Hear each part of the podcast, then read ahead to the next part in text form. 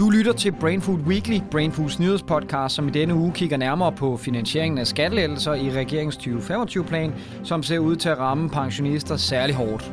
I denne uge fik vi endnu en gang understreget umuligheden i en solidarisk fordeling af flygtninge i Europa. En politisk dødsdom blev det til, og vi bliver i EU-regi, for det ser mildest talt svært ud for Danmark i forhold til at få en særaftale omkring politisamarbejdet Europol. Vi har et interview med Dansk Folkeparti i den sag. Vi kigger i ugens svirp den politiske presse efter i sømmene, og så kommer vi omkring højere ekstrem terror i Tyskland. Velkommen til.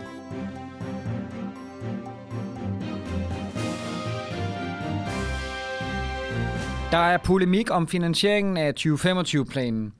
Beregninger fra Arbejderbevægelsens Erhvervsråd viser, at halvdelen af landets pensionister kommer til at betale til de skattelettelser, regeringen lægger op til i 2025-planen. Det har fået Dansk Folkeparti og Socialdemokraterne til at protestere højlydt. Den tekniske forklaring er, at regeringen vil beskære rentefradraget. Rentefradraget er et fradrag, der tillader en borger at betale mindre i skat, hvis vedkommende betaler renter. Det lavere rentefradrag vil samlet set betyde en ekstra skatteregning til halvdelen af landets pensionister. Det er typisk dem, der bor i ejerboliger, stadig har gæld i boligen, og som derfor betaler renter, der bliver ramt. Langt de fleste pensionister vil miste mindre end 500 kroner om året, men omkring 100.000 pensionister må vinke farvel til 2.000 kroner eller mere om året, viser disse beregninger. Det skriver DR Nyheder.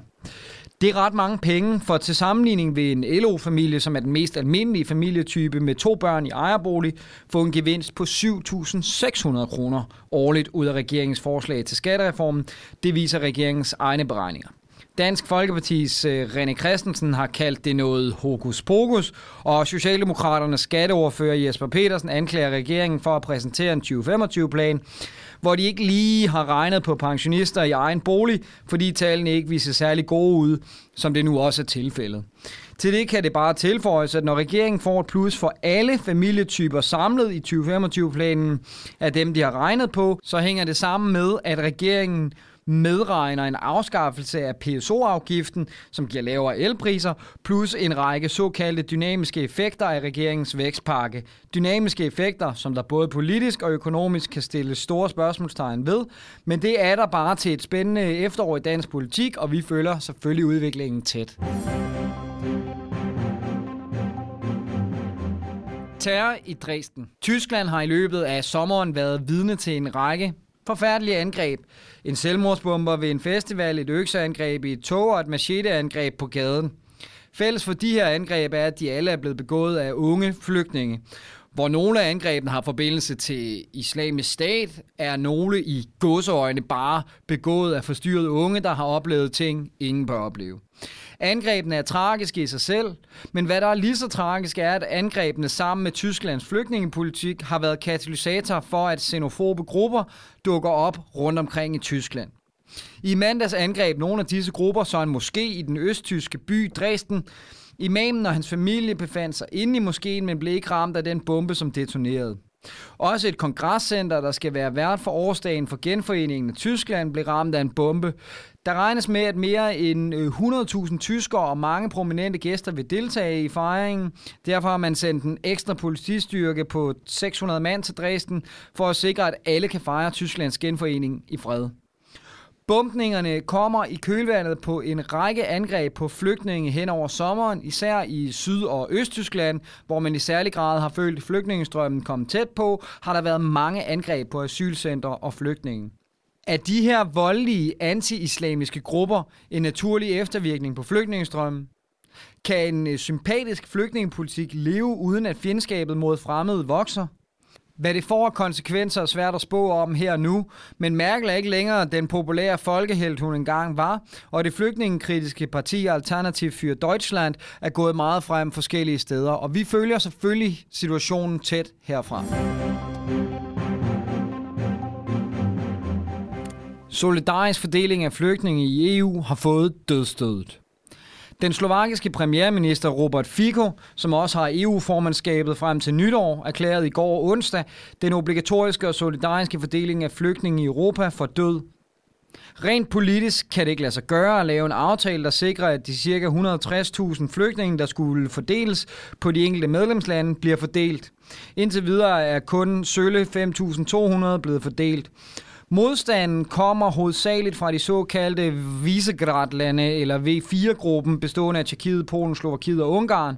Ungarn med den notoriske regeringschef Viktor Orbán i spidsen går faktisk øh, søndag til folkeafstemning med det formål at sikre en folkelig opbakning til at sige fra over for en fordeling af flygtninge.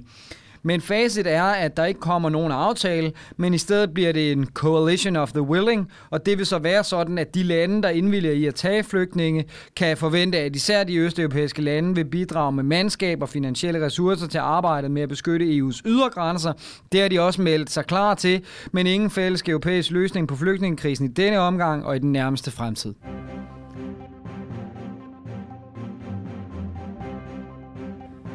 Nej til Europol. I stemte nej til Europol, og nu fanger bordet. Sådan lød den bestemte melding fra EU-kommissionens næstformand Frans Timmermans i onsdags. Um, you can't be slightly pregnant. You're either pregnant or you're not. If you vote to be out of Europol, you're out of Europol. And I don't see, on the basis of the legal situation, any alternative for that. Dermed stemmer Timmerman i kor med formanden Jean-Claude Juncker og den nyudnævnte britiske EU-kommissær Julian King, der tidligere på ugen kom med samme kedelige budskab. Håbet, som de fleste af Folketingets partier delte om en parallelaftale for Danmarks Europol-ordning, ser altså ud til for nuværende at være skudt i sænk. For Dansk Folkeparti rammer EU's afvisning som lidt af en løfteboomerang. Sidste efterår lovede partiet forud for afstemningen om retsforbeholdet nemlig igen og igen, at et nej ikke ville udelukke Danmark fra det europæiske politisamarbejde, men at den nye parallelaftale om Europol bare kunne forhandles på plads efterfølgende. Faktisk gik Christian Thulsen Dahl så langt som til at kalde det en garanti. Udmeldelsen af Europol kommer som lidt af en bombe for Lars Løkke Rasmussen, som for alt i verden fortsat ønsker en plads i det europæiske politisamarbejde. Skal det blive til en ny afstemning, forlanger han denne gang et utvetydigt ja fra Dansk Folkepartis side, ellers er der ganske enkelt for meget på spil. Den bed DF dog ikke på, men hævede prisen med to modkrav.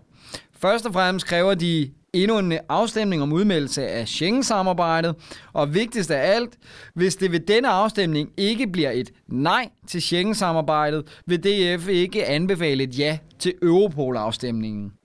Ifølge DF's øh, EU-ordfører Kenneth Christensen Bært er tiden altså moden til to nye afstemninger, hvor den enes udvalg kommer til at afgøre, opbakningen til den anden. Vi gav Kenneth et kald for lige at høre, hvad det hele går ud på. Her understregede Kenneth Christensen Bært, at han fortsat tror på, at regeringen kan indgå en parallelaftale, trods de dystre prognoser og utvetydige udmeldinger, som kommer fra EU-kommissionen i disse dage. Altså, først og fremmest så har vi jo sådan, at øh, vi øh, forventer at få en parallelaftale stadigvæk. Hvis det så mod forventning ikke kan lade sig gøre, øh, så øh, må det jo være sådan, at så øh, skal vi tage stilling til, om øh, vi fortsat vil være en del af øh, Schengen-samarbejdet. For hvis vi ikke har den afstemning først, jamen, så sker der jo det, at øh, grænsekontrollen det bliver et anlæggende for Jean-Claude Juncker og øh, EU-domstolen, i stedet for at være et anlæggende for det danske folketing. Og det øh, mener jeg ikke, at, øh, at Danmark står så godt ved. Men Kenneth, er det rigtigt forstået, at du tror på en, øh, en ny tilvalgsordning? Jeg tror på en parallelaftale. Det gør jeg bestemt. Øh, og, og skulle det så glippe af den ene eller den anden grund, jamen så er der andre muligheder. Men det er klart, at det er en, en mere besværlig vej, fordi det indebærer øh, to folkeafstemninger. Øh, det må man jo så tage. Der er også et kommunalvalg til efteråret osv. Ja. Så, men det er mere fordi, at for et halvt år siden lød det også ret skråsikkert, at vi kunne få den her parallelaftale, men der har jo i den her uge været tre ledende medlemmer, lige fra Juncker til Timmermann i EU, ude at sige, at det kan under ingen omstændigheder lade sig gøre. Enten er man gravid, eller også er man det ikke, som han sagde. Jo, men så er det jo bare mærkeligt, at der er, jeg tror, ganske bestemt mange lande i Europa, uden for Europa, som øh, er gravide og ikke er det på samme tid. Fordi øh, de har jo operationelle aftaler med, øh, med, øh, med øh, Europol. Og man skal jo heller ikke øh, undlade at bemærke, at Storbritannien om et halvt år kommer til at stå i samme situation som Danmark, fordi Storbritannien jo mere eller mindre har meddelt, at de ikke ønsker at anvende opt-out eller opt-in-mekanismen i forhold til det nye overstatslige Europol. Og det betyder jo sådan set, at Storbritannien står fuldstændig der, hvor Danmark gør og i den mellemliggende periode, der skal Storbritannien jo også være med i Europol. Og den øh, løsning kan man jo så fint duplikere øh, og sige, den tilbyder vi så også Danmark.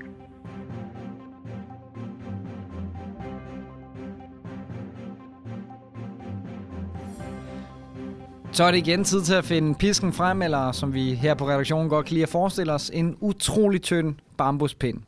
Ugens svirp går i denne uge til den politiske journalistik, og her tænker vi særligt på den journalistiske dækning af nye borgerlige, som har været noget mangelfuld. For det er helt utroligt, hvad Pernille Vermund har fået lov til at slippe afsted med. Længe har partiets politik bestået af to mærkesager. Færre indvandrere på den ene side og lavere skat på den anden side, og det lader ikke til, at der umiddelbart er kommet mere frem. Selvfølgelig har nye borgerlige ret til at stille op, og det lader også til, at øh, de øh, må formodes at have en del vælgere bag sig. Det er ikke det, det her handler om. De skal bare konfronteres på mere end deres to eneste mærkesager. Journalisterne ved at komme i gang på de forskellige redaktioner rundt omkring, og Pernille har nu haft ørerne i maskineriet, både i for eksempel Deadline og i programmet Adgang med Abdel, også på Danmarks Radio, hvor Abdel Aziz Mahmoud forsøger sig med simple ja-nej-spørgsmål. Hør bare her. Skal sygehusene spare, hvis det står til jer? Ja eller nej? Han får det her svar. Øh, sygehusene skal bruge færre midler på djøffer, på kontroller af hinanden og flere penge på sygeplejersker, læger og sygebehandling. Og prøver så igen. Sådan, så alt i alt, er det så færre penge til sygehusene? står til jer. Hertil svarer Pernille. Øh, alt i alt skal... Øh, jamen, vi har, vi har sådan set ikke lagt et budget for, for vores øh, sundhedsvæsen. Kommer øh, ny, nye borgerlige til at skære i folkepensionen? Ja eller nej? Det vil vi ikke tage stilling til. Offentlig transport. Bliver det dårligere eller bedre med jer? Øhm, Skattepenge? Jamen, det har vi heller ikke taget stilling til. Det her er store politikområder, som man skal forholde sig til, når man stiller op til Folketinget. Vi efterspørger herfra en journalistik, der i højere grad tester om partiets politik, også de nye borgerlige, hænger sammen, ser bort fra frygt og følelser og finder fakta og realiteter frem. Det er journalistikkens rolle at pege på hullerne, det er helt urealistisk og det faktuelt forkerte. De første spørgsmål, der burde materialisere sig efter nogen her tænker jeg på Pernille Vermund, siger, at vi skal have skattelettelser, er selvfølgelig, hvor kommer pengene fra? Hvad skal vi have mindre af? Det kan der være mange gode svar på, men der skal være et svar, og derfor skal der selvfølgelig stilles et spørgsmål.